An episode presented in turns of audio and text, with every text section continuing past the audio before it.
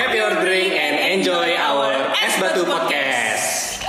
Fire. Bener gak sih nada gue? Halo Anjir, semangat semuanya. bener ya. Salah. Buk pembukanya nggak boleh udah buka fire gitu, berarti harus bukanya Annyeonghaseyo. Ini udah kayak Korea banget nih, gua rasa. Udah- Tadi kalau nadanya Bernard emang rada buta nada, harusnya sih bisa ngerti ya eh, itu lagunya siapa gitu kan. Karena itu kan kayak semuanya tuh sangat mengenalinya gitu. Nah, itu berhubungan sama tema kita sore ini loh. Yoi, jadi eh, es batu ya sesuai namanya es batu gitu kan menyegarkan. Kita harus membicarakan hal-hal yang dapat menyegarkan hari-hari kalian. Sah. Benar, ini tuh seger banget guys. Apalagi dari penampilan semuanya menyegarkan. Jadi kayak eh, Penampilan, begitu kalian, suara. Eh, eh, Wah. jadi wah udah ini nonton ini langsung sekali, wah nyes gitu, kayak gitu. Jadi kita hari ini juga nggak cuman berduaan doang nih. Eh, eh, harus diundang orang lain nih yang ada narasumbernya yang lebih paham tentang dunia per K-popan, oke? Jadi Karena kita kebetulan gue sama. Bernard walaupun lama di Korea, kita berdua sangat ini ya, sangat netral terhadap sesuatu. Jadi bisa bisa dibilang K-pop garis lemah gitu Iya dia. kita kita suka K-pop tapi garis lemah banget gitu lemah banget tapi Garis nggak putus-putus. nah ini kita undang yang emang bener-bener eh, garis kerasnya gitu garis kerasnya Is. seorang K-popers baik yang di Korea maupun yang di Indonesia kita bawa dari dua negara ya kan Ber? Oke, ada dua nih Dil, langsung aja ya. Gua bawa Iya. temen gua nih. Satu, eh, dia ini salah satu penulis artikel ya di salah satu majalah online. Udah Asik. pasti nulisnya artikelnya tentang perkepopan. Ini pasti orangnya suka K-pop nih gue bilang. Eh, nggak mungkin nggak nggak mungkin nggak dong udah jelas jelas lah nulisnya dia K-pop masa nulisnya sukanya J-pop gitu kan iya, oke oke. halo Ajeng Langsung aja Ber. Halo Ajeng. Halo, boleh kenalan dulu gak nih Ajeng? Basisnya eh, sekarang ngapain? Masih gimana gitu? Hai semuanya, halo Bernard, halo Nadila, nama gue Ajeng. Kegiatan gue saat ini lebih sibuk nulis artikel K-pop di salah satu media online. Dan emang kebetulan gue suka K-pop dari lama sih. Oh, udah Oke. lumayan lama nih jadi penulis nih ceritanya.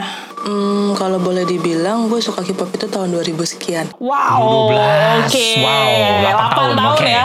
Gila sih itu. Siap. Berarti udah ahli banget Kelihatan nih. banget kan generasi tua soalnya. Oke oke oke kita keep Siap. dulu. gue juga bawa seseorang yang eh, ahli banget soal per K-popan sampai dia itu udah menetap lumayan lama di negara aslinya K-pop gitu. Jadi kita langsung Hmm. kenalin aja nih.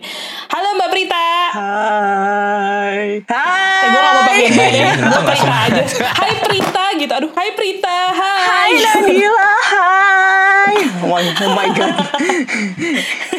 Boleh kenalan dulu gak nih? Ah. Prita nih dari mana gitu? Terus ngapain di Korea? Apa apakah cuma ingin mendatangi K-pop atau gimana nih? Coba cerita. Hmm, Oke, halo, nama gue Prita. Jadi sekarang ini gue kuliah di salah satu Asik. kampus di Seoul, namanya Hanyang University. Di sini gue ambil Uh, S3 oke, oke. ceritanya, dan semoga akan lulus tahun depan. Amin. Amin ya Allah. Amin. Amin ya Allah. Amin ya Allah. Eh diaminin ya Amin, guys karena tolong diamini, PhD itu tolong diamini. aduh, gitu. Harus kalau tolong diamini biar segera lulus. Oke, Amin. lanjut. Terus saat ini tuh eh, apa posisi gua full time researcher, terus abis itu part time fotografer eh, idol sama Oh. fotografer idol Udah sama mulai mengambil jalur serius sama ya? part time K-popers ini udah serius banget nih. Oh, jadi udah dan ini eh, sama nih pertanyaannya kayak kayak Ajeng. Udah berapa lama nih jadi berga, ber apa ya namanya berkecimpung di dunia perkepopars perkepopan ini? Oh my god itu panjang banget ceritanya, Astagfirullahaladzim. Enggak enggak tahun pertama kali suka aja deh kayak tahun berapa gitu misalnya. Gua kenal K-pop itu sejak de- idol ya, beda ya. Kalau K-pop sama Iya. idol beda ya. Kalau misalkan gua kenal idol tuh sejak 2006. Wah, oke. gue masih Bentar, kayak 2006 tuh idolnya Eh gue satu tahu semester kayaknya satu Sonyu tahu. CD aja belum Eh Super. Junior itu Super real Junior Sonyu udah CD ada aja belum sih belum? 2006? Suju Ya, ya, jadi itu suju udah pertama ya. kali gue itu suju Pertama kali gue ngapalin 13 orang Oh my god Oh my Oke. god. Pasti lo bikin yang elf. ngapalin ini kan dibandingin Gue biologi. Gue elf Masih elf Iya, sekarang iya. Wow. Oke, nih udah kita bawa nih eh, apa namanya empunya empunya empunya yang dunia perkepopan segini. Gue jadi mulai ini nih biar mulai terpressure gue. Nothing compared to them dia Ini kita juga under pressure Takut salah ngomong Nggak, nggak, tenang, tenang. Kita aman kok. Kita Oke, aman. kita aman. kan penyuka semuanya. Oke, baik. Jadi, oke.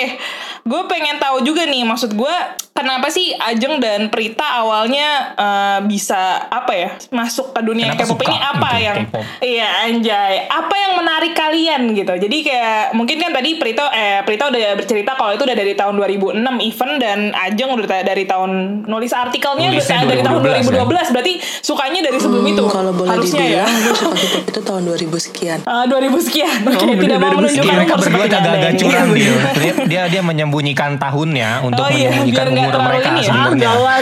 Ketahuan mereka umurnya sebenarnya. Oh my god. Oke, mungkin bisa cerita juga nih. Dulu kenapa sih bisa suka sama eh, dunia perkepopan? Mungkin dari Prita dulu deh. gue atau Ya Allah, ya Allah, gimana? jadi jadi ceritanya gue tuh kenal namanya lagu Korea itu sejak zaman boa dulu masih kecil tahu Bentar, Wow, Boa itu penyanyi ya, bukan zaman Boa. Itu maksudnya kalau di Indonesia kan zaman Boa tuh kayak zaman dulu banget Oh iya gitu. bener, jam, bener banget, bener banget Bener banget zaman dulu banget masih gue SMP kalau Iya, nggak zaman salah dulu. pas itu. SMP apa ya? Pas gue SMP Tapi ini Boa penyanyi kan maksud? Boa, pena- Boa penyanyi, Boa penyanyi. Iya. Penyanyi yang nyanyi. Bukan boa yang zaman zaman eh, boa itu kan sebenarnya bahasa Betawi gitu gak sih kayak jam eh gue dari zaman boa boa, nih demen ini. Gue gak ngerti itu Oh, iya. apa. Maaf, Pakai gue orang bukan Betawi. Gue bukan orang Betawi. Miane. Oke oke lanjut lanjut. terus Jadi gue tuh kenal lagu Korea tuh sejak Boa itu dulu kan. Terus abis itu Lagunya yang mana tuh? Yang mana tuh Atlantic lagunya? Masih inget Atlantic? Princess. Atlantic Ah, Princess. sudahlah. Nggak saking Coba searching deh ntar, coba searching. nggak gue tak gue kenal K-pop dari HOT berarti itu udah lama banget sih Ya kayak, itu sebelum oke, Boa masih sih. oke lah. Gue gue juga ngerti. Terus pas itu Oke. pas itu tapi pas masa gue SMP itu kan yang terkenal banget tuh Taiwan Jepang gitu kan J-pop Taiwan Hmm, yang Meteor Garden F4 gitu-gitu kan pas gue SMP dulu ketua- Oh, gue masih SD tuh. ketua ketahuan Bukan masih TK pas pada saat itu tuh jadi gue nggak nggak gitu-gitu awareness sama yang namanya K-pop banget ya. tapi ya tak pernah denger gitu sebenarnya cuma pas eh pokoknya pas masa-masa gue SMP SMA tuh masih K-pop Jepang Taiwan Cina itu masih banyak banget terus habis itu pas kuliah pas itu gue baru kenal nih yang namanya lagu-lagu Korea gara-gara temen gue sih sebenarnya pas itu gara-gara temen gue yang kenalin gitu Super Junior pas itu terus akhirnya oh uh keren gitu kan akhirnya kayak oh, Ganteng-ganteng gitu kan. Iya, pada saat itu Super Junior ganteng. Kalau sekarang dilihat lagi astagfirullahaladzim kayak gitu. Baju sih ya. Aduh, dandannya. Oh my god, kenapa gue dulu suka kayak gitu? Mbak Prita lo ntar dihujat elf lu. Eh, gue elf juga masalahnya. Kita semua pasti pikir kayak gitu. Oh, iya. Karena elf-elf tua itu Oh, iya, mesti oke, semua oke. pada mikir kayak gitu. Oke lanjut lanjut. Jadi Oke kayak terus. eh, si opa-opa kita itu wah ganteng-ganteng lalalala gitu. Habis itu kenal Big Bang, kenal Super Junior gitu. Haru-haru. Ya, opa masa-masa itu 2PM lalala gitu semua kan. 2PM oh, Langsung ya, langsung masa-masa masa-masa itu ya, gitu. terus? Terus akhirnya wah ntar pokoknya gue harus ini nih pernah nonton konsernya sekali lah pokoknya seumur hidup kayak gitu kan pengennya Anjay. Anjay udah kayak Terus, vis- Kak, terus, terus? visioner masa depan nah jadi sejak kayak 2006 itu gue ngapalin satu-satu tuh membernya sampai merem aja udah tahu nih ah ini suaranya si Yesung oh ini suaranya Kyuhyun apa gitu gila parah banget semua. Luar biasa udah kayak ujian. udah kayak Gua ujian. rasa lu lebih hafal, lu lebih hafal membernya Super Junior dibanding eh, pelajaran Persama- biologi sih gua rasa iya, sih. persam- eh, gue teknik fisika kan dulu jadi kayak gue lebih hafal Oh, iya. itu daripada Laplace terus kayak Iya sih, iya sih. Gue juga lebih milih itu sih. Oke, oke. Kayak Berarti gitu. emang Terus- udah terus kayak emang Terus, terus? apa ya mereka tuh kayak sebenarnya sih awalnya cuma kayak ah oke gue bosen nih gue pengen sesuatu yang baru kayak gitu kan terus dengerin dengerin Nggak dengerin mau- nggak mau mainstream ah, ya. easy listening dengerin terus lihat dance nya lalala terus kayak hmm oh keren terus habis itu ngefans ngefans ngefans ngefans terus ternyata kayak gue ketemu sama perkumpulan elf pada saat itu dan Terus? kita itu bener-bener kayak itu adalah kayak grup yang belum pernah aku miliki sebelumnya gitu. Anjay. Anjay lebay. Itu makanya kayak Elf itu kayak apa ya Kayak sekumpulan fans Tapi kita tuh juga keluarga gitu. Kalau misalkan ah Kadang kita tuh ada kayak event eh, Bantu sosial apa Terus kalau enggak jualan apa Untuk nonton konser di mana gitu-gitu. Dulu tuh aduh kan dulu nggak ada sosial media yang memadai kan. Jadi kayak semuanya manual. Lewat SMS, Wow. Lewat email kayak gitu ya Allah. Masa Sungguh itu. effort ya maksud gue modal juga sih harus ada. Kalau sekarang kan kayak WhatsApp grup ya udah gratis gitu. Kalau lu dulu SMS harus nge-SMS ke grup. SMS ke grup. Berisi berapa orang kan harus modal gitu ya. Jadi memang lebih sulit ya menjadi K-popers pada zaman dulu ya. Oke, jadi lu emang udah lama banget nih berarti ya Mbak Prita maksudnya jadi seorang K-popers. Kalau Ajeng sendiri gimana? Gue awal mula kenal K-pop itu sebenarnya dari drama. Oh, oke oke. Jadi drama Korea Terus? itu sempat dicokokin sama teman kampus kan. Dramanya kalau nggak salah gue inget. Full house ya, full house ya. apa-apa? Drama Lee Min Ho yang pertama itu personal test. Oh, personal. Lee Min Ho, taste. Lee Min Ho. Minho. Before Flowers ya? Oh, oke oke terus terus. Kenal awal-awal kenal K-pop di drama itu. Enggak, justru itu bukan momentum gue kenapa akhirnya suka K-pop. Awal-awal banget kan di drama. Nah, gue iseng nih cari-cari sendiri drama drama yang emang gue banget. Nah, kebetulan gue nemu salah satu drama yang gue suka dan itu adalah drama Dream High. Nah, dari situ deh gue udah mulai suka K-pop. Pertama sih masih biasa aja ngikutin cerita, alur segala macem. Cuman lama-lama gue ngelirik salah satu salah satu pemainnya kan. Nah, itu Taekyon. Oh, 2PM, Suka 2PM. Rati Sobek ya berarti ya. Oh, bener. Taekyon, Taekyon.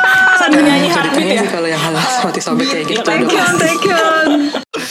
gue kurang lebih sama kayak Mbak Prita. Eh, gue udah mulai masuk ke komunitas, cari-cari temen yang emang suka sama dunia K-pop dan itu pertama kalinya juga gue berani nonton konser di Maze Ancol. Ah, gue nonton itu juga. Gimana? Jangan-jangan kalian Gimana? sudah bertemu pada saat itu loh. Oh my god. Iya di Ancol. Oh. Eh, abis dari nonton konser, jiwa nulis gue udah mulai muncul tuh. Akhirnya gue berani cobain diri, beraniin diri buat nulis buku tentang K-pop. Oh, lu ada ada buku juga ya? ada ada ada buku diterbitin sama salah satu penerbit Jakarta dan gue memang menulis tentang mereka karena terinspirasi sih sebenarnya perjuangan mereka dari zaman trainee sampai debut kan lumayan keras ya. Jadi gue pikir kenapa nggak coba ditulis aja gitu kan.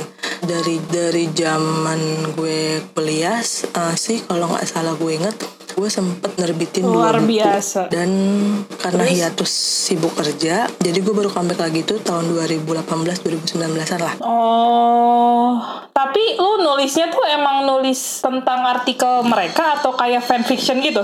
Enggak, awal mula buku gue nulis buku itu tentang un- unofficial book justru. Zaman dulu kan masih susah banget tuh buat dapetin informasi tentang artis Korea. Nah pas gue main ke Gramet ada dua buku nih yang terbit. Pertama Super Junior sama SNSD. Tapi kok nggak ada grup yang gue suka ya. Nah gue beli. Akhirnya gue coba untuk nulis beberapa bab dan masukin ke penerbit. Kebetulan banget penerbit yang gue masukin naskahnya emang mau nerbitin. Jadi itu buku pertama K-pop gue tentang 2PM tahun 2012. Nah, tadi kan udah udah ngomongin tuh tentang kenapa sejak kapan du- suka dunia K-pop dan kenapa suka gitu. Oke. BTW lu langsung sendiri suka gak sih Beb? Eh Beb lagi. Aduh, sorry ya. gue panggil Beb. Maaf nih. Waduh, bahaya nih. Nama lu tuh bikin bikin nih ya? Nama Ternyata nama lu bikin ini loh. Gue terlalu gemas ya kayaknya. Enggak, nama lu tuh suka bikin salah paham, boy. Makanya lu eh sekarang gue tanya lu sendiri suka K-pop gak, Ber? Ya kalau gue sih sebenarnya dengerin dengerin aja. K-pop kan sebenarnya nggak cuman masalah lagu ya, Iya, ada iya, drama iya, iya. juga, terus ada ya entertainmentnya break, apa reality show-nya juga gitu. Kalau sampai sekarang eh, weekly basis gue masih ada yang gue ikutin reality show mostly. Terus kalau lagu-lagunya itu sebenarnya gue suka K-pop, denger lagu K-pop tahu-tahu itu tuh mungkin sejak tahun 2006 2007 ya waktu awal-awalnya booming game online sebenarnya. Karena kan gue dulu waktu sekolah main game online. Emang game online ada lagu K-popnya? nah salah satu game online yang uh, booming waktu itu adalah gamenya namanya audition atau Ayo Dance. Oh, nah iya, iya, itu iya. lagunya banyak diisi sama lagu-lagu Korea. Let's say HOT Cool terus Boa Suju 2PM itu semua lagunya masuk ke sana semua banyak. Oh. Nah, gara-gara sering main game itu, gue juga jadinya sering dengerin kan lagunya dan lagunya memang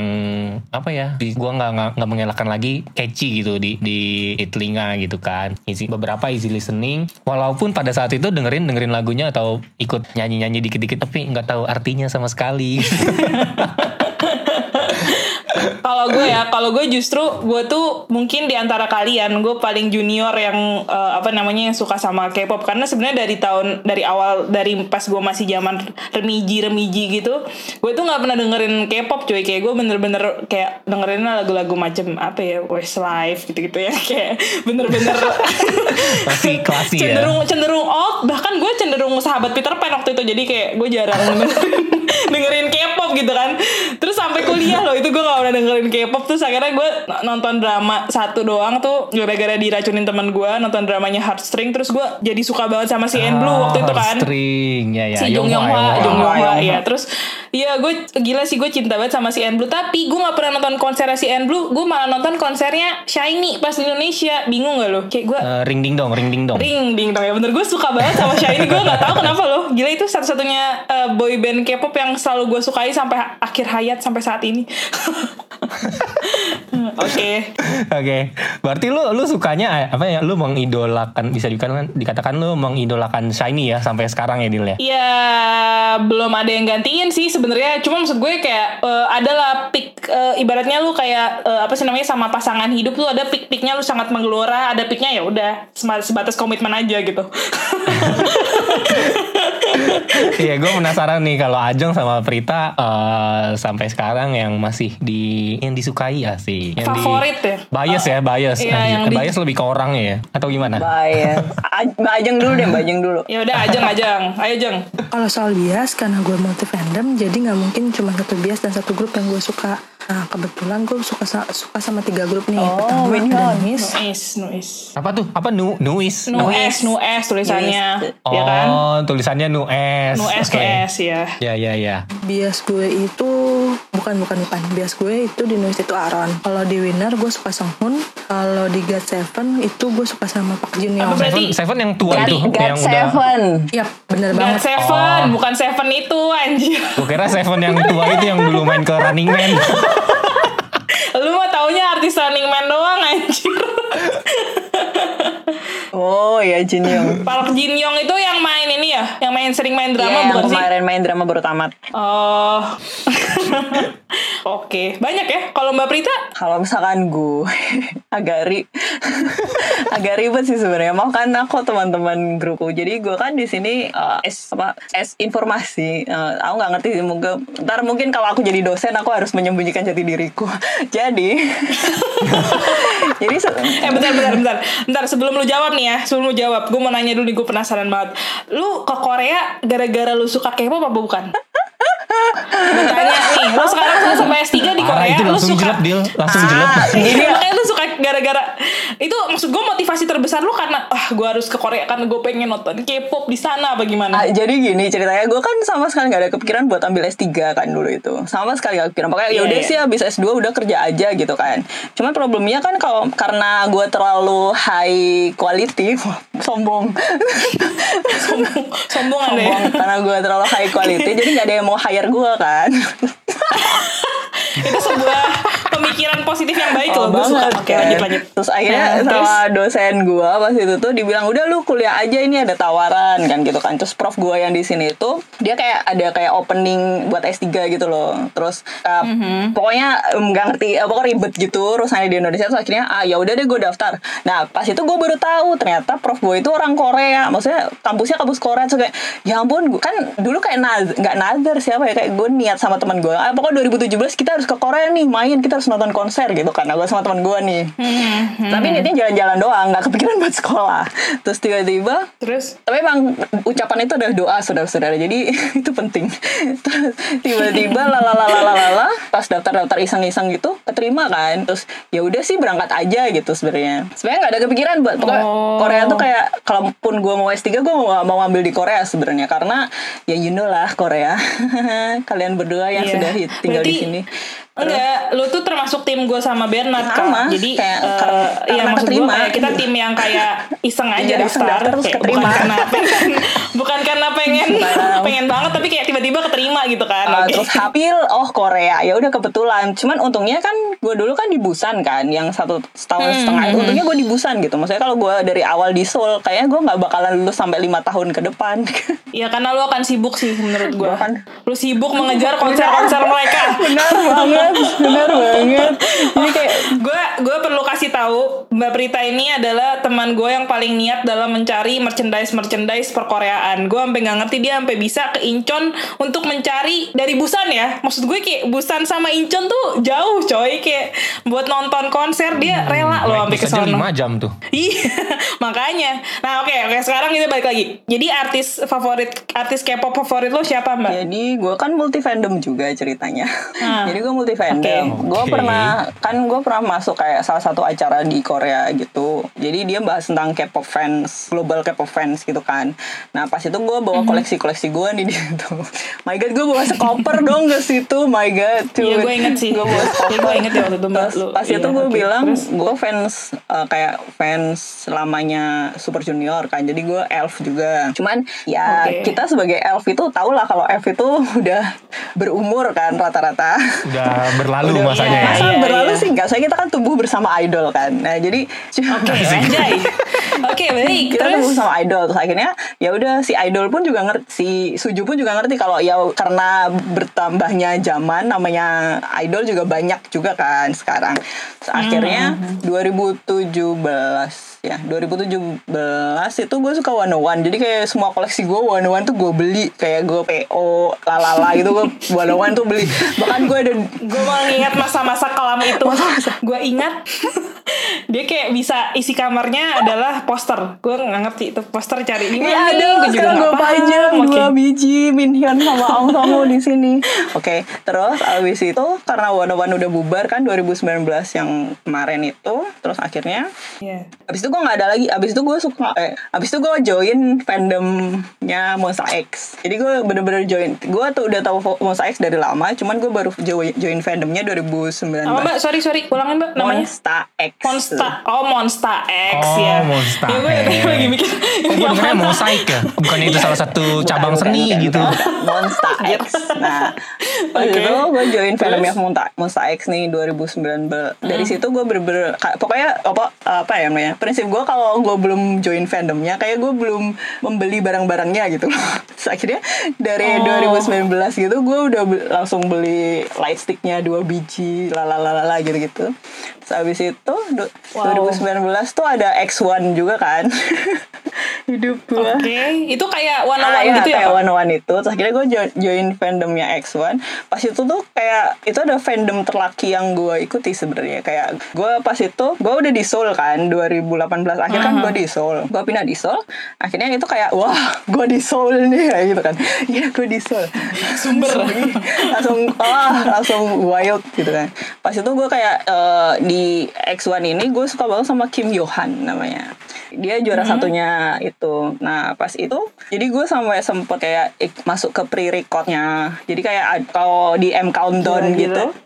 M Countdown Gila, M gila, Countdown gila, gila. Terus, terus. gitu gitu itu tuh gue itu apply kan iseng-iseng apply gitu terus kita gue gue masuk kan keterima keterima gitu jadi gue masuk ke M Countdownnya itu hari jadi pre-recordnya itu jam eh Maksudnya lu itu kayak lu nonton kayak Indonesian bukan Idol gitu bukan kan? Indonesian Idol jadi ceritanya mereka kan udah debut nih udah debut terus mereka kan kayak Ah. masuk ke acara musik show. Kalau di Indonesia dulu Oh. ke acara musik show kayak Dahsyat kayak, gitu. kayak dahsyat inbox gitu-gitu. Cuman kan kalau di sini itu ada kayak pre-recordnya. Pre-record itu kayak kita apa namanya eh, idolnya itu eh, perform dulu sebelum di airing ntar malam gitu. Jadi paginya dia Iya, iya, recording dulu. Nah pas recording itu kan mereka butuh kayak penonton kan. Penontonnya itu dari fans. Hmm. nah fans yang kepilih itu yang fans yang apply di hari sebelumnya. Nah itu untung-untungan banget. Jadi biasanya cuma 100 orang atau 200 orang gitu doang. Jadi cepet-cepetan sih sebenarnya cepet-cepetan. Nah pas itu gue beruntung banget dapat di musik ah, musik kor apa ya? Apa Socem oh di Socem itu hari Rabu. Hari Rabu jam jam 12 kalau nggak. jadi dia jam 12 itu kayak pre-recordnya gitu. Terus abis itu gue dapet lagi yang buat M Countdown itu pre-recordnya jam 2 pagi. Jadi abis jam 12 siang aku udah jadi abis jam 2 Oh berarti mereka tuh kerjanya 24 jam ya? Ya, jam iya, berapa iya, aja iya. bisa? gue gila jadi itu Gila ada banget sih lo. gue Gila sih, bolos dong gitu kan dikasih ditanyain si prof lu di Wah, wah, Tuh lu, kan. lu cin- apa bener-bener Yoshimi ya? Berita lu di mana? Gue rasa sih Iya, Mbak Bang, Prita email. sengaja tahu ma- menunda-nunda kelulusan S3 demi melakukan ini. Ande ande. jadi pas itu itu itu pengalaman banget. Jadi kayak pas itu jadi siangnya gue di Sochem, so habis itu balik ke lab kan. Lab gue kerja dulu sampai jam 12 malam. Gue langsung naik bus ke M Countdown Gila. jam 2 pagi recording. Kayak langsung mati besoknya. Nggak, berarti lu tuh kayak nonton live-nya mereka gitu Jadi kan? nonton live-nya Berarti mereka lu pas sebagai- itu Tapi be- belum Ah. airing. Jadi pas airing itu anggap aja gue ada di situ. Jadi di TV itu ada gue kecil di situ. Oke nggak kelihatan. Bangga banget. Nah terus Tapi niat Iya loh. banget Terus abis itu X1 bubar kan Bulan Januari ini bubar. Jadi kayak ada problem gitu Terus dia bubar. Terus abis itu gue kayak hampa banget. Soalnya itu kayak fandom yang per- pertama Fandom pertama yang gue kayak Yolsimi banget gitu loh. Terus kayak ah tiba-tiba bubar ya Ah hampa gitu kan Jadi kayak oke Kayak- oke gue ngerti kayak lu abis nonton drama Korea yang lu sukain banget terus Mati. eh, abis gitu kan kayak ya udah terus gitu. mati gitu terus gue sayangnya kayak gitu lah kesel banget terus abis Hampa ya. Oke oke. terus ka- Gue bisa terus terus, terus. sekarang ini gue suka sama suka banget sama The Boys tapi masih kecil-kecil sih tapi Oh. beda umurnya sama gue 10 tahun oh my god oke Oh my god, oke. Oh my God. Agak ibarat 10 tahun tuh agak. Oke, ini sebenarnya ceritanya Mbak Prita nih panjang banget ya, kayak sebuah cerita fandom yang panjang gitu. Jadi gue udah kebayang sih eh, Prita sama Ajeng dua-duanya udah jadi eh, fans yang lama banget ya Kasin Bear. Mm, mm, mm. pasti apa gua gua bisa nebak deal mereka tuh di kamarnya ya ada kayak ah, semacam altar gitu ada barang-barang koleksi aja mereka itu udah Ada the holy the holy rack yang isinya adalah alat-alat eh, fandom ya. Jadi mulai dari poster s- apalagi soft blind ada soft blind. Itu uh, kayak keychain ya Keychain, apa tadi mungkin yang terkenal adalah light stick ya karena mungkin tiap boy band tuh punya light stick kan setelah Tiap di grup punya light stick. Tiap, ya tiap tiap grup punya light stick gitu jadi mungkin gue dan Bernard sedikit penasaran nih apa yang kita penasarin Ber apa yang gue penasaran Eh, dari dari gue gue bisa bilang kalian udah lebih dari 10 tahunan ya buat buat apa jadi K-pop fans gitu. Kira-kira udah 10 tahunan ini lo bisa perkirain gak sih udah berapa banyak uang yang kalian spend buat beli eh, fan item? jangan spend lah bilangnya investasi. Invest, oke. udah berapa uang yang kalian investasikan untuk menjadi sebuah eh, seorang fans nih Eh, ini cuma ngomong collectibles ya dong ya. ya kayak Siapa dikira-kira dulu? lah gitu gue dulu Bebas. Enggak, enggak, enggak. Ajeng dulu. Soalnya Mbak Prita banyak ajeng dulu. Di gue dia, dia jangan jangan nanti dia ngitung dulu. Dia ngitung rekening tabungannya sisa berapa. Ajeng dulu, ajeng. Pertama invest gue di K-pop sih masih modal kuota streaming sebenarnya ya namanya juga anak kuliahan masih belum punya modal jadi ngandelin paket kuota aja. Nah tahun 2018 itu gue udah mulai banyak invest barang-barang K-pop karena udah mulai udah, udah mulai bisa cari duit sendiri sih. Pertama itu gue lebih banyak uh, investnya itu barangnya di Nuis. Kalau Nuis sendiri sebenarnya kurang lebih ada 2 jutaan. Oke. Hmm, kata Apa-apa, hobi. Prita. Tenang tenang tenang itu baru satu Oke, grup. hobi hobi. Ya, oke, hobi nat, hobi. Itu Oke, baru lanjut. dong. Kalau dari winner sebenarnya koleksi Oke. gue ada 2 sampai 3 sih. Barang yang gue punya udah pasti ada lightstick, album, merchandise dari official sampai fanset. Sama kalau Nuis itu kan punya karakter lucu ya. Eh, kalau nggak salah namanya Spoon. Nah, gue juga punya beberapa nih koleksi dari Spoon. Nggak, gue ngomongin tentang koleksinya aja. Ja. Jadi Tuh, sampai 3 juta ya. Itu per grup ya, per grup berarti ya oke lah, berarti total total 5 jutaan lebih ya. Hmm. Wow. Itu barangnya apa aja tuh? Barangnya apa aja? Suka sama barang K-pop sih karena awalnya pengen ngeliat foto bias. Kok bagus banget ya kualitasnya, bahannya, gambarnya, apalagi di album-album foto gitu kan. Pertama cuma beli satu album, tapi lama-lama bisa beli satu, eh keterusan deh sampai sekarang. Kalau gue bilang sebenarnya itu lebih ke arah reward sendiri karena gue juga nulis artikel K-pop kan. Jadi sebenarnya gue perlu tahu nih perkembangan terbaru dari dunia K-pop itu apa sih, yang up to date apa. Itu maksud gue harus gak sih kayak lu punya kayak gitu? Maksud gue apakah maksud gue sebagai Itu seorang sebuah fan sebuah aksi Iya, untuk sebuah- mensupport mereka, Dil. Iya enggak maksud gue dalam artian apa sih yang membuat kalian bisa spend uh, money sebanyak itu untuk Willing gitu Iya, kenapa? willing. Kenapa willing gitu. Achievement Iya. gitu ya, semacam achievement ya. semacam alasan. Oke. Oke, saya saya paham, saya paham. Tidak usah kita lanjutkan. Tidak usah kita perdebatkan. Eh, jadi emang bener sih maksud gue eh, mungkin kayak gitu juga sebagai tadi yang lo di mention Bernard juga sebagai bentuk support dan sebagai bentuk reward lo juga sih sebagai fansnya mereka gitu. Nah kalau Prita gimana nih Prita? Lu udah berapa Wah, miliar lo habiskan? Udah di dihitung situ? belum mbak? lo tadi udah sempet ngitung belum? Kita udah kasih waktu buat ngitung. Oke, lo. Jadi, aku gak ngerti sih. Jadi gue tuh punya my way, my way buat membelinya. Jadi gimana gue bisa bi- bisa beli itu gratis. Terus kalau misalkan ngomongin soal konser gitu-gitu kan di sini banyak kan kalau konser di Korea kan murah kan ya. Harga paling lima ribu, Iya, iya, sepuluh ribu. Kecuali kayak konser-konser Cenderung gratis ya kak? A- banyak Iya yang gratis sih? juga terus jadi Iya. ta- 2019 kemarin tuh gue hitung aja 2019 doang ya 2019 doang aja gue hitung gue itu kayaknya nonton konser tuh 15 kali setahun Enggak, Oh my God. jangan jangan ngitungin nonton konsernya gitu. Maksudnya eh, Nah.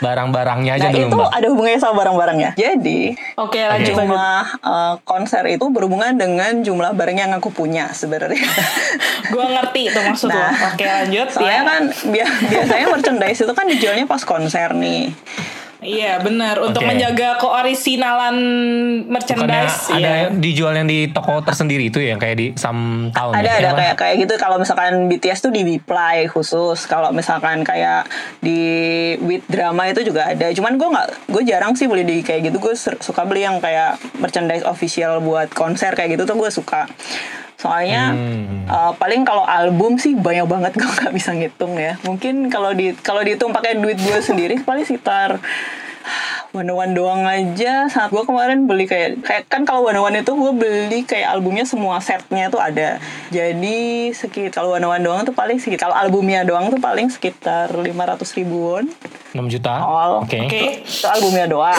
Gue kayak Album doang. itu albumnya doang belum oke. kayak merchandise merchandise officialnya. Cuman mostly gue dapatnya tuh gratis sebenarnya. Jadi gue nggak bayar sepeser pun. Soalnya kayak ya you know lah untuk survive di Korea tuh kayak gue buka just tip Iya iya. Gue pernah menjadi bagian dari just Iya, tipnya iya. dia. Gua juga ya jadi itu kurir kan sempat jadi Iya. kurir-kurir gue kan pada saat itu nah jadi Iya. dari situ gue kayak reward buat diri gue sendiri juga soalnya kayak konser kayak gitu kan biasanya gua kalau beli merchandise kan gue yang ngantri nih gue yang ngantri dan biasanya Hmm. untuk ngantri itu gue kan harus pagi banget nih datang kayak jam 3 jam 4 pagi gitu Effort lah ya banget. gitu kan. Nah Anjay. gitu tuh, nah ketika gue beli merchandise itu, gue juga beli merchandise buat diri gue sendiri gitu. Nah jadi anggap aja itu reward gue ngantri. Iya iya bener, Bener sih. sih, Nggak nggak salah salah kan? Gue setuju iya. Jadi wah, mostly sih gue bayar paling nggak nggak banyak sih kalau merchandise nggak mahal, cuman macamnya banyak emang. Paling yang bayar-bayar sendiri tuh kayak majalah gitu. Kayak majalah gue beli, kayak misalkan ada nih, eh, misalkan The Boys nih bulan depan, eh The Boys bulan depan mau muncul di majalah W gitu. Ntar gue beli majalahnya. Ntar misalkan X1 muncul di majalah ini ini ini ini, ini. ntar gue beli beli beli majalahnya. Nah, ntar Abis itu artikelnya doang gue potong terus gue clipping gitu. Tapi gue ingat loh waktu itu kayak emang maksud gue orang yang nyari majalah eh, edisinya be- eh, boy band tertentu tuh emang segitunya sih. Jadi parah kayak gue inget banget dulu teman gue ada yang pengen nyari majalahnya One on One kalau nggak salah. Terus gue sampai nanya Mbak Prita karena gue tahu Mbak Prita yang tahu kan. Jadi kayak ya emang sampai just tip tuh majalah anjir. Kayak lu ngapain just tip majalah tapi emang Lu- segitunya. Lu Deal. just tip masih dari mending deal Bener banget. Enggak, Iya. sebentar deal Lu masih mending just tip majalah Gua pernah just tipin dari Korea ke Indo Lu tahu Apa? botol Iya kopi ampun benar banget. Eh banyak, coy. coy. Kemarin gue baru jangan beli. itu ya, jangan itu ya. Lu gue pernah just tipin masker yang edisinya boyband itu, coy. Jadi gue harus ngantri itu masker lu beneran. masih bisa pakai deal Masker masih bisa Iya, pakai Bo. Ini gue yang gue paling gak ngerti Eh lo, Botol lo kopi jangan lu jangan bilang kayak gitu. Gue kemarin gue pas ini apa? Pas apa? One One apa? Pas One One diiklanin di Loteria apa? Gue sampai enak sama burger Loteria tahu gara-gara. Gue inget banget. Enggak, dia pasti membeli membeli makanan loteria supaya dapat hadiah itu kan. Terus kayak hadiahnya tuh dikasih ke orang gila sih. Mbak Prita tuh emang niat banget tau gila sampai makan loteria mulu kebayang Bener, gak? bener banget. Gak cuma motor minuman. Ada lagi yang namanya cupcake event. Ada lagi ya? Ya cup sleeve Itu juga Botol Coca-Cola apa ya? Kaleng Coca-Cola juga ada eh jangan bilang kayak gitu. Gue kemarin baru kirim kaleng Coca-Cola doang 21 biji. Anjir, fix. Kalau gue boleh sharing, dulu gue sempet di sama teman gue dan teman gue itu jualnya cup event sampai di toples-toplesin gitu biar nggak sampai rusak. Dan itu emang kejadian dan gue ngeliat sendiri. Oh bener, gue ada 100 biji tuh cup sleeve dong. Anjir, Cir. gue speechless. Saat ini gue speechless. dan dan kalau di sini kan sleeve itu lo harus ke cafe itu beli minumannya gitu kan. Terus ntar tapi enggak Tapi maksud gue orang-orang rela membayar minumannya tapi yang lu yang minum lu. Oh iya harus Oh my harus. god, Jadi kalau nggak salah itu Oke, kita oke. hadir di salah satu event ulang tahun idol. Nanti pas beli minuman kadang suka dapat perintilan Iya, tuh. benar. Nah iya benar banget. Namanya perintilannya gantungan kunci, kadang stiker dan itu bisa jadi pajangan lucu sih di kamar. Jadi itu deal harga minuman sama harga cup sleeve atau harga botolnya itu sebenarnya yang lebih berharga adalah harga botolnya dan harga cup sleeve-nya itu. Kita biasanya guyon gitu. Jadi kan gue ada grup nih di sini kayak grup K-popers gitu sama anak-anak jurus anak kampus lain kan. Nah kita tuh biasanya eh ke ini ke cup sleeve event yuk kayak weekend ke mana nih kayak gitu kan. Weekend ke mana? Eh hari ini ulang tahunnya ini nih hari ulang tahun ini gitu kan. Jadi kayak oh minggu ini ada eventnya Ichi misalkan ada temen gue kan suka banget sama Ichi. Jadi ah, minggu ini ada eventnya Ichi nih ayo ke sana gitu kan. Itu yang girl band nggak sih? Sorry. Iya yang girl band itu yang Iya, iya, iya, dalah-dalah. kita tahu. Nah terus, nah pas itu tuh kayak, oh iya nih hari ini Ichi, oh minggu depan ini, minggu depan ini, terus kayak kita tuh kan per idol itu kan ada nih tanggal lahirnya gitu kan ada itu kan eventnya event ulang tahun kan pasti nah jadi kayak oh bulan ini tuh yang ulang tahun siapa siapa siapa siapa siapa siapa jadi minggu Udah ini ada ke kafe ya? mana Udah kafe ada mana, udah ada listnya Amazing. Kayak gue gue amazing sama sama dunia perkepopan soal merchandise ini gila gila gila gila. Jadi intinya intinya gini ya. Intinya lu emang invest banyak ke merchandise itu dan tapi maksudnya lu bisa justru lu bisa bikin bisnis dari itu gak sih? Maksud gue kayak ya Oh, apalagi kalau lu di sana kan, lu pasti eh, bisa istilahnya ngekat ngekat harga lah sampai akhirnya nanti ke Indonesia gimana gitu kan. Tapi ini kayak gue mau ngasih tahu juga sih kayak K-popers K-popers di Indonesia. Kayak lu tuh dukung idol lo tuh nggak melulu harus lu beli barangnya gitu tuh nggak perlu sebenarnya. Kayak apa sih kadang-kadang tuh eh kadang rame banget tuh di sosial media nih. Kayak eh lo udah dukung pakai kayak apa nih? Idol lo lo udah beli albumnya emang lo? Ya kayak gitu gitu kayak sekarang itu orang-orang pada insecure fan fans ya biasanya kan banyak kan sekarang anak kecil kan kayak SMP SMA yang udah gede. Deh yang udah. Anak yang belum punya duit sendiri maksudnya. Nah, maksudnya mereka tuh kayak berusaha banget buat membeli sesuatu punya idolanya hanya karena social pressure gitu loh. Kayak gue pikir tuh kayak nggak perlu banget sih kayak gitu. Maksudnya kasihan juga kayak mereka tuh kadang-kadang sampai ada yang stres. Oh, gue nggak punya ini nih. Sampai sekarang gue belum punya lightsticknya. Gimana dong? Beliin gimana? Gue bisa nyicil nggak ya? Jadi lebih baik ngefans itu pas lu udah kerja coy. Jadi lu at least punya penghasilan sendiri dan lu tua. gak tersiksa gitu. Bener. Yang penting tuh jangan sampai punya utang banyak lah. Terus sedih banget. oh, ya bener. Hobi dan bener juga ya. Oh gue tahu. Berarti lu ngefans Kita pas jadi orang kaya aja. Jadi lu tenang. Lu secara nggak langsung ngomong ya orang miskin nggak boleh ngefans gitu enggak dia. Enggak lah. Ntar gue dihujat anjir. Nggak kayak gitu. Nggak kayak gitu. Menurut gue maksudnya kayak Kalau lu gua sering dengerin videonya di YouTube itu Iya. udah masuk ngedukung belum? Iya bener kan Udah, Lu udah, nonton udah videonya di banget. Youtube Lu dengerin lagunya di Spotify Atau di mana gitu kan Kayak Iya Lu makanya lihat video gue juga. cara cara mendukung es batu juga cuma dengerin aja gitu kan podcastnya nggak perlu aja fans K-pop dengerin es batu posisi apa episode ini udah mendukung iya sebenarnya mendukung kita Oh banget. tapi anyway ini ya beside merchandise lu kan juga pasti nontonin konsernya kan? Dan maksud gue apalagi gue pernah ya nonton konser di Indonesia dan di Korea dua-duanya Eh, di Indonesia kan nggak murah nih buat harga konser sebuah eh, seorang segrup itu boy band ataupun girl band pasti harganya lumayan lah gitu. Eh, udah berapa sih konser konser yang lu jelajahi anjay? Kayak mungkin yang di Indonesia sama yang di Korea nanti bisa diceritain. Kalau gue gue sendiri di Indonesia eh, nonton konser cuman sekali seumur hidup gue yaitu nonton konsernya Shiny. Itu juga di Ancol waktu itu kalau nggak salah. Itu tahun 2000 berapa pokoknya belum ada corona lah masih boleh lah desek-desekan gitu kan. Ya Allah ya iyalah. bener banget. Kayak gue gue tuh masih waktu itu kan jadi gue ini ya pemula gitu kan. Gue jadi junior banget tuh. Gue adalah fans junior di antara semua fans fans yang lain. Jadi kayak kayak fansnya fansnya tuh even gue baru masuk grup fansnya pada saat itu jadi kayak mereka punya fans yang di base nya di Bogor mereka punya grup sendiri supaya bisa naik bis bareng-bareng ke sana. Dan lu tahu konsernya tuh jam 7 pak jam 7 malam kan. Gue berangkat jam 6 Berangkat jam pagi 7 coy. pagi. Jam 6 Anjay. pagi. Gue kayak kenapa gitu? Kan gue kira masa sih kayak gitu ngantri? Nggak mungkin gitu kan. Pas gue nyampe ke sana orang udah bikin garis line panjang. Dan kita harus nunggu di luar sampai jam 12 siang. Jadi dari jam nyampe nih gue jam 7 nih ya. Dari jam 7 sampai jam 12 siang gue duduk di luar tuh panas-panasan. Untung gue sama teman gue sih.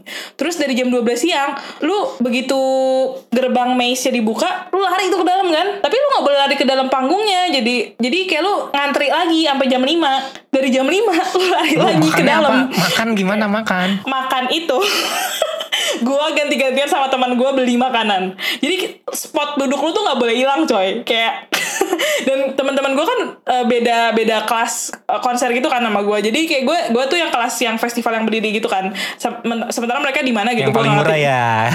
iya pokoknya enggak justru itu yang kayak kedua kedua Oh. lebih mahal Oh, karena lebih dekat ya? lebih dekat Oh, ya. iya, iya, iya. jadi kayak temen gue kayaknya yang di tribun apa di mana gitu kan kayak gue pokoknya beda inilah beda tempat ngantri terus gue kayak ya ampun gue pe- pengen banget pipis gue pengen banget ke toilet gue nggak ngerti kayak gue sampai minta tolong sama temen gue depan eh boleh nggak tolong jagain spot gue gitu kayak gue pe- mempercayakan sama lu lu tidak akan mengkhianati gue karena gue udah ngantri dari pagi dan emang sedesek-desekan itu sih itu pengalaman gue nonton di Indonesia gitu jadi eh, selain lu butuh duit, lu butuh tenaga. Karena iya, karena eh, gue cukup mengakui kalau energi mereka itu, huh, luar biasa. Itu padahal umur gue masih muda loh kalau nggak salah. Jadi gue harusnya masih punya banyak energi. sekarang sih gitu. lu nggak sanggup kayaknya Nah, ya, gue udah mah nonton dari YouTube aja udah bagus.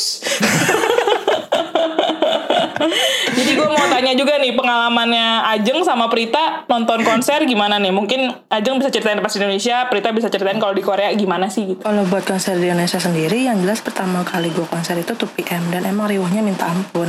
2PM? Gak jauh beda Oh, sama yang udah Nadila rasain, gue pun ngerasain yang namanya datang pagi-pagi saat konser. Acaranya sih emang baru malam, cuman kebayang dong nunggu lamanya gimana. Apalagi pas sampai sana udah banyak banget anak K-pop yang ngantri. Padahal itu masuk konser masih lama. Nasib ya kita ya, oke baik. Kayaknya udah udah udah ini ya protokolnya sama ya. Iya protokolnya sama ya. Masalahnya pagi banget coy, jam 6 emang. pagi tuh kayak iya aduh ya Allah. ya udah kalau mau makan atau kamar mandi paling ganti-gantian aja sih biar nggak diambil orang tempatnya kocaknya nih pas gue pulang kan gue sama temen gue nggak punya sarana transportasi jadi mau nggak mau gue dari tempat acara sampai depan mes tuh kita nyari taksi justru kita di sana itu kenalan satu sama lain jadi kayak eh, dapet teman baru juga sih nah itu pengalaman konser yang gak bakal bisa gue lupain sih Itu sebenarnya sorry deh, kan kalian nungguin dari pagi ya sampai jam berapa tuh? Konsernya tuh berapa jam? Nungguinnya berapa jam? Konsernya 2 jam coy. Dua jam Dua paling jaman. konser itu. Ya, makanya kata gue, lu lu nonton lu nonton konser Korea itu, lu harus punya energi yang banyak gitu. Selain duit yang banyak, ya even kalau even ada yang nginep di situ, ada ada yang nginep tuh. Nah, benar. Holy. Enggak gue soalnya sedikit sedikit comparison ya. Gue gue pernah nonton konser tapi bukan nonton konser uh, K-pop ya. Cuma nonton konser ya artis-artis barat-barat gitulah. Konsernya gate open jam 7 ya gue datang jam 7 dan gak perlu ngantri-ngantri sampai gimana-gimana banget gitu. Cuman Beda, Ber. konsernya sampai pagi, sampai jam 4 gitu. Makanya sama nih, gue juga waktu di Korea gue pernah, gue even eh, sebenarnya waktu di Korea gue nontonnya bukan eh, nonton K-pop, gue justru nontonnya eh, Coldplay waktu itu kan. Jadi emang ya acara mulai jam 7 nih, ya kita ngantri normal dari jam 4, dari jam 4 jam 5 sore gitu maksud gue Iya, ya iya, normalnya maksud gue segitu itu masih- lah. masih normal. Iya gitu loh. Gue gue sih dan gue even bisa berangkat waktu itu kan acaranya di Seoul, gue bisa berangkat dari mm, dari Busan tuh kayak jam 9 jam 10-an gitu loh. Jadi Mhm, santai gitu. Ini gue gak ngerti coy kenapa nih. Gue coba Jang mungkin lu bisa lebih tahu nih kenapa sih di Indonesia harus ngantri dari jam 6 pagi. Iya kalau menurut gue kenapa mereka antri paling pagi ya biar dapet tempat paling depan ketemu bias depan muka siapa sih yang nggak mau iya nggak apalagi kalau beli bagian standing duluan antri paling pagi jadi pilihan tepat menurut gue. Selain itu biasanya promotor kadang suka nyiapin standing banner wajah bias tuh pas konser. Daripada datang siang udah banyak yang ngantri makeup luntur mending pagi sekalian menurut gue Gue juga pernah soalnya. Cuma terakhir-terakhir konser Noise sama Winner gue datangnya nggak terlalu jauh sama waktu konser karena udah terbiasa ngeliat foto bias di album jadi ya udahlah ya gitu. Kalau misalnya Prita gimana nih? Lu nonton di Korea lebih beda nggak lu kerasanya daripada waktu di Indonesia? Beda banget. Tapi pengen ada apa ini? Ada Apa? Tolong tolong diceritakan ini. Jadi gue kan dulu juga sempat pernah nonton di Indonesia juga. Jadi gue nonton tuh pertama kali Kimchi konser 2011. Kalau saat itu ada sujunya. Itu gue dapet tiket festival harga 2 juta, tapi gue bayarnya cuma kok bisa? 900 ribu. Lu udah Oke. lu udah punya trik ya Dan dari dulu ya? Saya teman gue dapet gratisan. Udah punya trik dari gue. Terus pas itu karena gue dapet festival depan kan, jadi gue nggak perlu ngantri dari pagi. Teman pas gue datang itu udah banyak banget yang ngantri yang tribun-tribun tuh soalnya kan nggak ada seatnya kan. Jadi mereka kayak ngantri banget. Cuman Berarti ada- karena gue Iya, festival iya, iya, iya. termahal. Pas dulu gue kan dulu kan kayak. Nah, 2011 2012 itu kan kayak ya kata Mbak Ajeng tadi juga kan kayak gitu. Nah dulu tuh emang kayak pas gue ngantri, lo pas gue udah ngantri nih, gue mikir duduk gimana Mbak? Bilang, tribun, heh? Kita nggak di sini ternyata oke jalan lagi ternyata barisan festival tuh nggak ada yang ngantri. Ya udah kita jalan-jalan aja dong ke keliling Senayan makan dulu, terus balik lagi balik lagi tuh baru jam 4-an gitu pas masuk. Mungkin karena tiketnya mahal banget kan yang paling depan itu 2 juta setengahan kalau nggak salah harganya pas itu 2 juta setengah pada tahun 2011 Iya sih, gila mahal sih. banget tuh. Terus terus. Terus, Oh, iya. tapi gue Oke, dapet oke. 900 ribu. Oke, udah lu remind tiga kali. Oke. Iya iya iya. Mungkin Iya, bener-bener mungkin tuh Ajeng sama Prita bisa tempatnya. saling bekerja sama bikin buku sih gimana caranya buku apa namanya membuat trik menjadi ya. iya biar biar eh, bikin buku trik-trik menjadi seorang K-popers gitu kan. Jadi kayak Oh kawan kawan Ya bener banget tau Itu kayak kayak gitu Terus pasti pas itu emang Karena gue gak pernah merasa Ngantri panjang dari pagi Pas di Indonesia Soalnya pas 2pm itu pun juga Gue datangnya tuh habis pulang kantor Jadi kayak pulang cepat Pas itu gue kan udah di Cikarang kan. Jadi konser mulai jam 7 Apa jam berapa itu yang di Ancol itu Gue dapet bronze kan. Jadi kayak agak de- di belakang belakang tapi udah ada seatnya gitu kan. Gue mikir ah udah ada seatnya ini gitu kan. Ya udah sih ntar kita mepet-mepet aja. Jadi pulang cepet dari kantor gue dapet tiket harga 500 ribu. Itu juga murah banget. Terus habis itu itu pun gue belinya dadakan. Cari Oh, di anjay. kaskus. Luar biasa emang.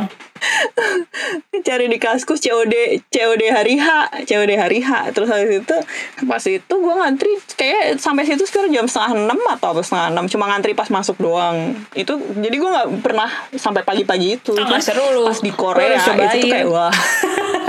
Pas digoreng. Oh, di Korea oke. lebih seru Oke, lagi lu harus nyobain. Gimana, Mbak?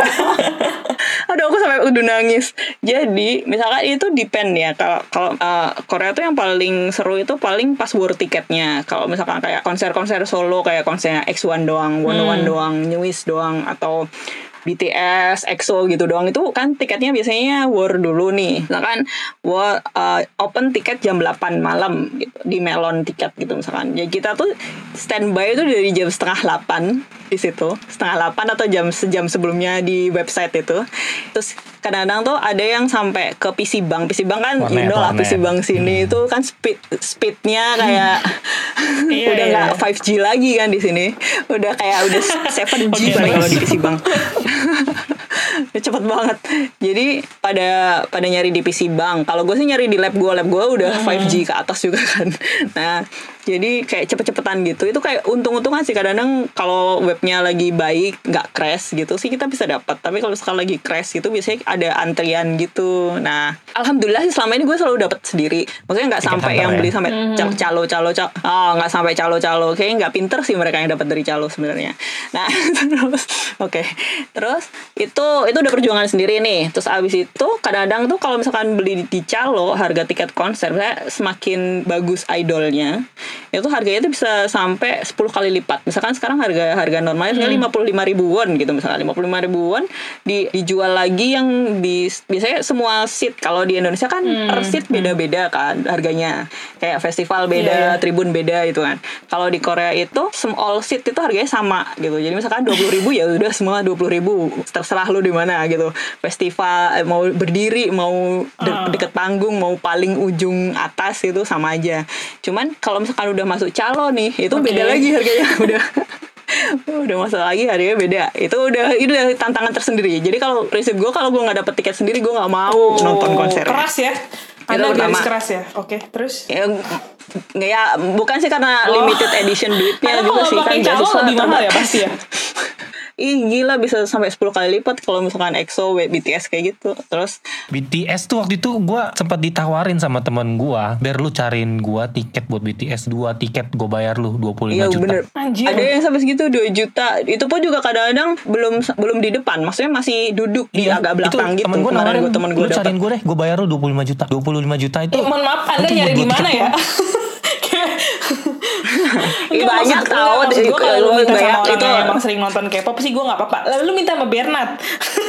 Maksudnya kayak bener. Dia juga Oh, iya, bingung kali Gue kagak itu waktu BTS concert in Seoul kalau nggak salah Oh, tahun terus, terus? 2019 ya. Du- Eh ya bener ya Iya, tahun lalu, tahun lalu nah, banget. temen gue tuh di Jakarta dia mau berangkat ke Korea berdua sama apa eh, sama pacarnya terus dia minta tolong gue cariin tiket. Dia bilang gue bayar lu segini. Nah lu beliin tiket tuh dua. Terus gue bilang cuma pada saat itu eh, gue nggak nggak terlalu melek lah istilahnya masalah tiket hunter itu ternyata bisa sampai semahal itu gitu. Gue pun kaget. Wah Seandainya gue sadar salah. lebih awal, seandainya gue sadar lebih awal tuh, wah anjir ladang duit.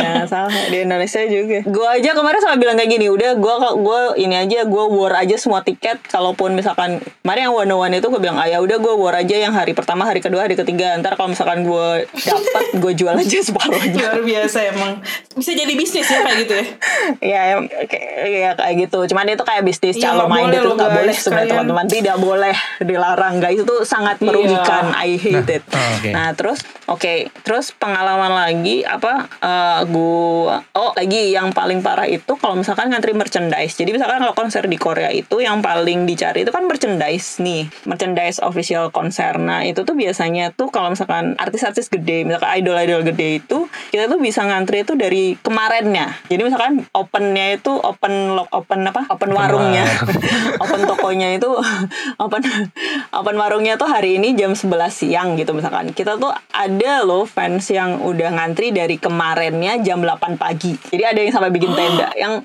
yang keren banget tuh kalau misalkan winter. winter itu aku sampai shock. Yes. Jadi kan aku pas Monster X itu kan di Kyung Kyunghee eh Kyunghee University sini kan dekat sini nih. Aku jalan kaki doang kan.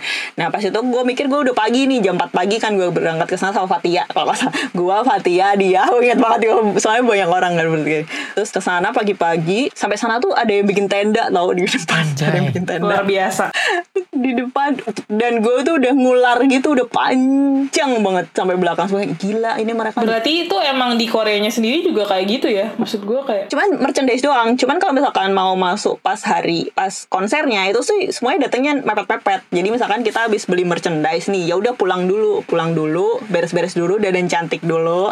Habis ntar sore mepet-mepet datang. Ya, gitu sih. Kayaknya nggak nggak bukan ngantri buat masuk ke venue-nya gitu Berarti nggak ada. maksudnya kalau di sana tuh mereka lebih takut kehabisan dibandingin eh, depan-depanan nonton konser gitu Bener. kali ya. Mungkin karena di sana udah diatur juga Ah, kali bener ya. banget. Soalnya udah ada seatnya juga kan. Kita walaupun berdiri, kita kan udah ada kayak barisnya gitu. Lalu baris dua ini walaupun ntar juga ntar pas kamu berdiri standing itu ntar lo akan berantakan deh kayak lu sendiri lu kan pernah sendiri juga kan Gue lu juga pernah nonton pernah kan? konser di Korea eh, di Busan Festival itu itu gratis. Gue dapet tiket. Gue duduk paling depan kan. Terus gue kayak lebih terganggu sama sound musiknya karena gede banget kan itu kayak boom boom boom gitu. Terus gue kayak gue lebih pusing karena itu sih. Tapi ya gue menikmati berhubung gue dapetnya gratis juga. Pulang-pulang Terus gue ya, bener- balik-balik pas diajak ngomong hah Hah? kagak denger dan gue tuh bener-bener bisa ngelihat muka siapa ya? Waktu itu gue nonton siapa sih? One on One kan? Kang Daniel, iya Kang Daniel, Kang anjir gue Daniel. ngerekam tuh si Kang Daniel lagi nyanyi. Sampai gue nanya dulu tapi di sebelah? Iya. eh pas nonton kan orang-orang pada teriak gitu kan kayak ah! Terus gue, gue ikutan teriak dong kayak walaupun gue nggak tahu gitu itu siapa. Terus gue kayak nanya gitu ke sebelah gue eh itu siapa sih? Gitu. Ini Kang Daniel nih. Oh itu yang namanya Kang Daniel. Kang oke, oke." Daniel dia orang Gitu, orang Sunda. kayak, Si Akang Daniel. Bukan ya? iya si Kang Daniel. Ya bener Kang Daniel Iya, bener Kang Daniel emang. Bener, kalau gue bener, ngomong bener. jadi Kang Daniel emang. Kang Daniel pasti Kang Daniel gitu kan jadi emang gue juga eh, sempat ikut hype-nya sih sebelum waktu itu konsernya sebelum gue balik ya mbak kalau nggak salah oh bener banget pas BOF tuh. terus kayak eh ya emang banyak banget artisnya dan emang multi multi country ya yang nonton ya kayak banyak kayak ada bule-bule juga pada nonton gitu menurut gue. Oh itu juga kayak salah satu keuntungan di Korea sih kayak di Korea tuh biasanya per tahun kan ada kayak festival nih acara festival kayak misalkan nah, sebenarnya ada acara tahunan kayak kayak World Festival lah BOF atau SBS Super Concert atau apa apa nah biasanya konser-konser kayak gitu yang festival yang banyak artisnya itu malah Oh. gratis jadi Iya malah- iya benar benar benar. Ya, ya Nah, kayak Running Man fan meeting ya itu gratis gratis. tuh katanya. Enggak anjir itu bayar anjir. ya nggak juga sih itu bayar kali dulu itu Sama nonton Nah, ini konser kuliah aja yang konser di kampus-kampus gitu tuh juga gratis. gratis kan, Mbak? Ah. Oh bener banget Konser di kampus tuh gratis-gratis Cuman kadang-kadang ada kayak festival gede kayak di Yonsei Itu biasanya tertutup buat mahasiswa situ doang Ki- Yang yang bisa duduk-duduk di dekat apa, panggungnya itu cuma mahasiswa doang Jadi kita yang orang outsider tuh cuma bisa lihat dari atas banget gitu Tapi Gila, kelihatan sih keren banget. Iya. Sampai ada yang beli Soalnya- itu gak sih kayak apa? Apa itu namanya? Binokular. Apa sih namanya? Teropong, teropong. Oh binokular Eh jangan jangan kayak gitu Gue aja kalau misalkan mau motret idol di Gue jadi ngomong Oke Kalau misalkan gue mau motret idol gitu kan Gue Wow. bawa tangga dong Niat bener ya. Terniat. Emang sih. gue bawa tangga atau kalau nggak kursi jadi misalkan ada Ah. fansign open gitu jadi gue kan gue punya kamera panjang banget Iya, gitu iya, kan iya. yang lensanya panjang itu kok gue di sini juga fansite juga Keren ya. Nggak sih sebenarnya jadi kayak pas itu foto pas yang itu, dapat kalau eksklusif ya gitu bisa lu jual gak sih? nggak sebenarnya sih buat Diuangkan, semua bisa aja sih diuangkan. sebenarnya cuman Dasar doang sales. bisa aja cuman kan kayak Lo lu import lo kayak gitu loh. bisa aja bisa aja coba kayak proudly present gitu gitu kan terus ya yang penting tuh ini apa sih namanya sendiri kayak nama lu gitu kan. Kreditnya, yang penting adalah kreditnya ya. eh, apa namanya trademark ada mark lu. Iya kreditnya. kredit gitu sih kayak ba- bangga aja sih kayak gimana ah gue di sini mumpung dan gue fotografer kan jadi kayak wah karena nggak ada model kan gue sekarang Biasanya jadi gue ya, ngejar-ngejar idol aja Kayak- ah bisa lu gue pokoknya ya kalau selama Mbak Prita masih di Korea kalau gue balik lagi ke misalnya gue jalan-jalan ke Korea gue akan menghubungi Mbak Prita untuk foto-foto gue berhubung foto-foto gue yang dulu tuh kayak udah emang last year banget gak sih kelihatannya jadi gue kayak harus last year wah. uh, fashionable Pre- Pre-wedding gitu. lu sama Mbak Prita ya Dil ya? Amin. Iya iya. oke Kayak mohon maaf, bisa enggak, virtual nggak bisa konsepnya virtual gimana ya? Lu pre wedding lu berarti udah berangkat bareng sama calon lu ke sana tapi lu belum halal. Itu gimana nih kak? Keren konsepnya kak. Lu agak kurang. Kalau mau post wedding kak, pas lagi honeymoon gitu. So, suci ya itu semua. itu mah bukan urusan itu mah bukan urusan gue itu mah bukan urusan lu Iya, kayak so suci gue semua. Udah, ini udah banyak banget ya ngomongnya dari gitu dari sih. tadi di awal udah bahas dari yang general sampai yang spesifik ngomongin konser dan collectiblesnya. Nah, gue mau tanya deh satu lagi terakhir sama kalian sebelum kita closing nih. Eh Sebenarnya kan di mata masyarakat itu masyarakat umum ya, in general mungkin masih banyak paradigmanya yang bisa dikatakan kalau K-popers itu negatif gitu, kayak alay, Alay. gitu. Terus apa sih? Saya kayak kuota gitu kan, wibu yang yang istilahnya ya hambur-hamburin duit lah gitu kan. Lu melakukan hal-hal yang bisa di, mungkin ada yang ngomong kayak nggak ada gunanya ngapain sih lu kayak gini gini gini Tuh, lu apa ya? Coba deh dari kalian sebenarnya apa sih hal yang buat buat counter ini ya gitu? Yang positif dari kalian yang ka- udah kalian dapatkan selama menjadi fans K-pop itu gimana gitu. Mbak anjing. Berat ya, berat nih. gue mikir dulu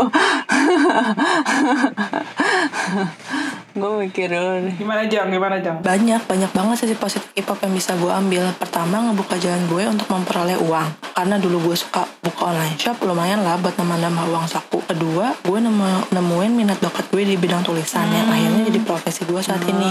Ketiga sih memperluas koneksi pertemanan gue ya. Yap, bener banget. Pertemanan gue gak sebatas itu aja sejak masuk K-pop. K-pop itu gak melulu negatif kok. Ini juga yang perlu di- dilurusin. Kalau dari gue ya, K-pop itu bisa membawa dampak positif bagi siapa pun. Tergantung dari sudut pandang mana nih mau nilainya. Gak melulu menghamburkan uang juga kok, tapi K-pop juga bisa memberikan sebuah pekerjaan. Jujur, gue baru aja nemuin salah satu perusahaan yang mencantumkan kualifikasi tentang seluk-beluk dunia K-pop.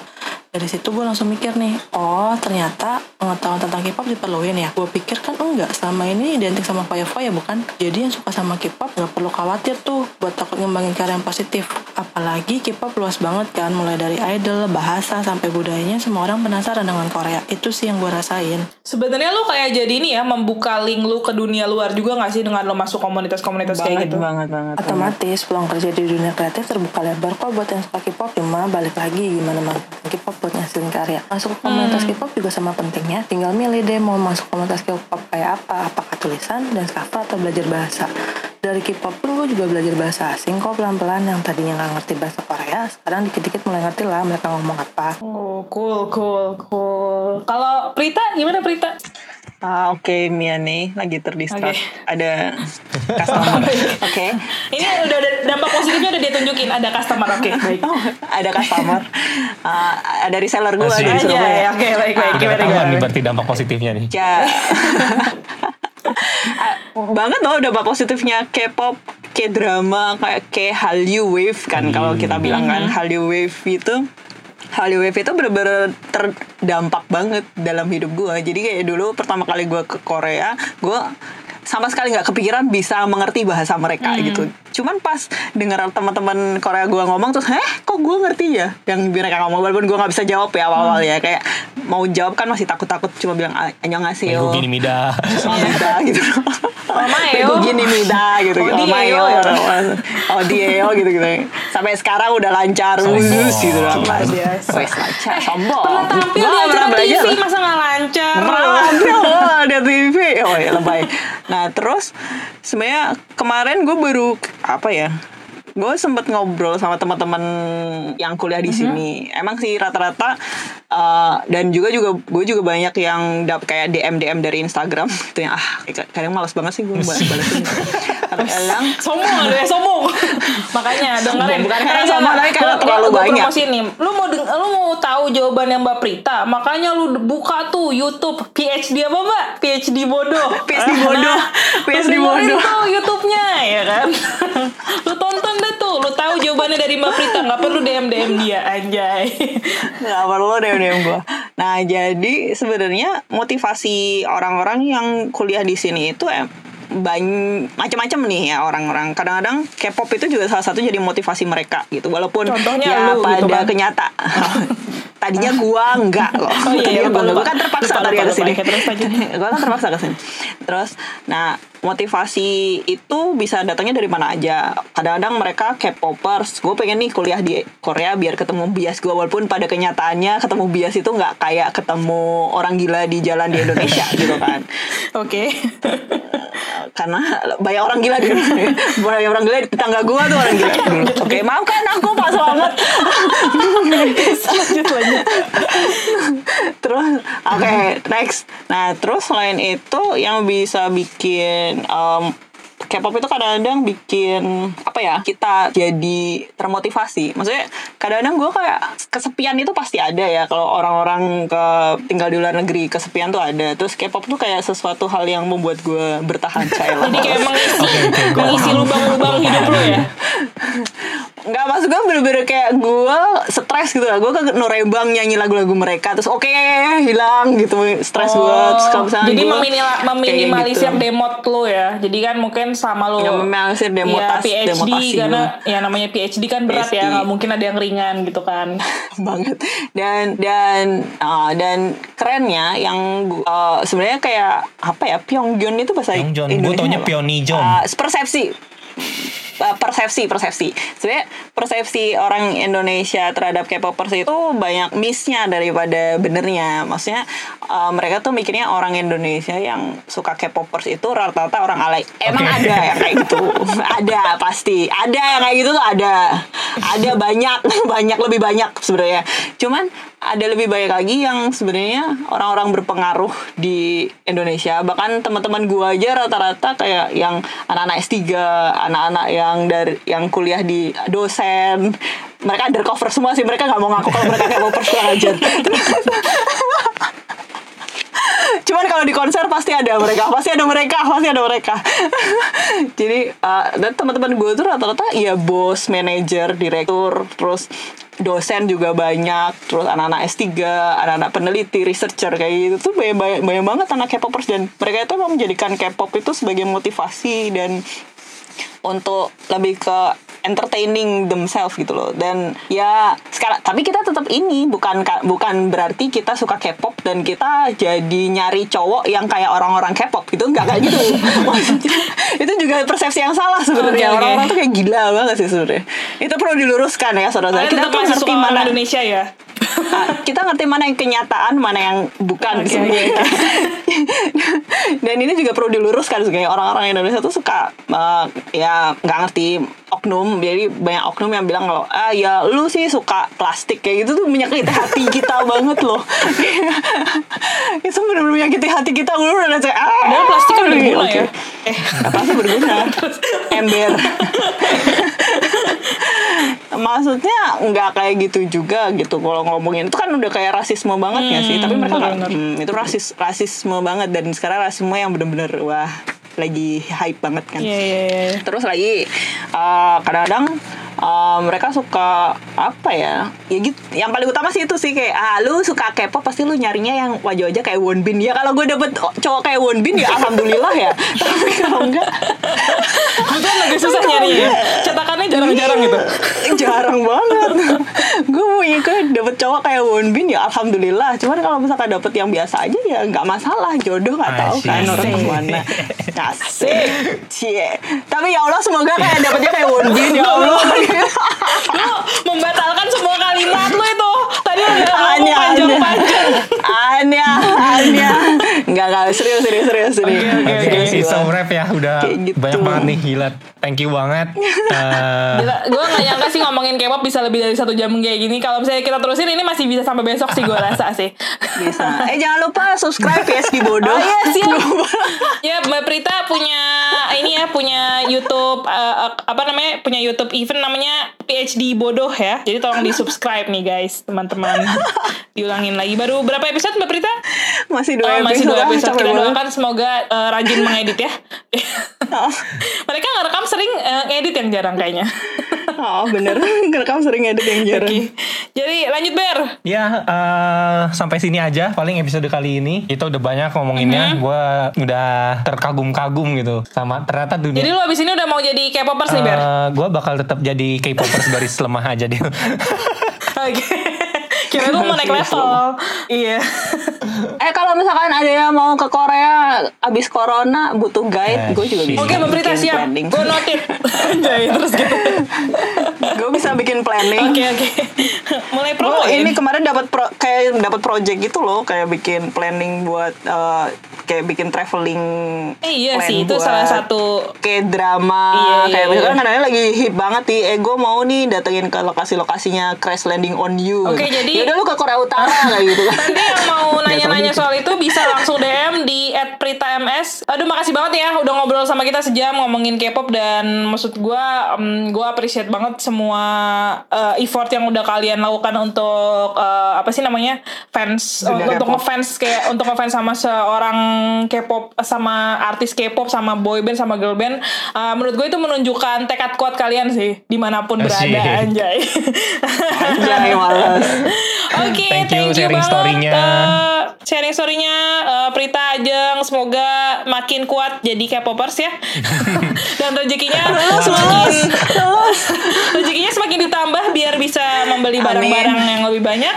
Amin. Dan mensupport ya. Amin. Amin. Oke okay, uh, see ya and good night semuanya. Bye bye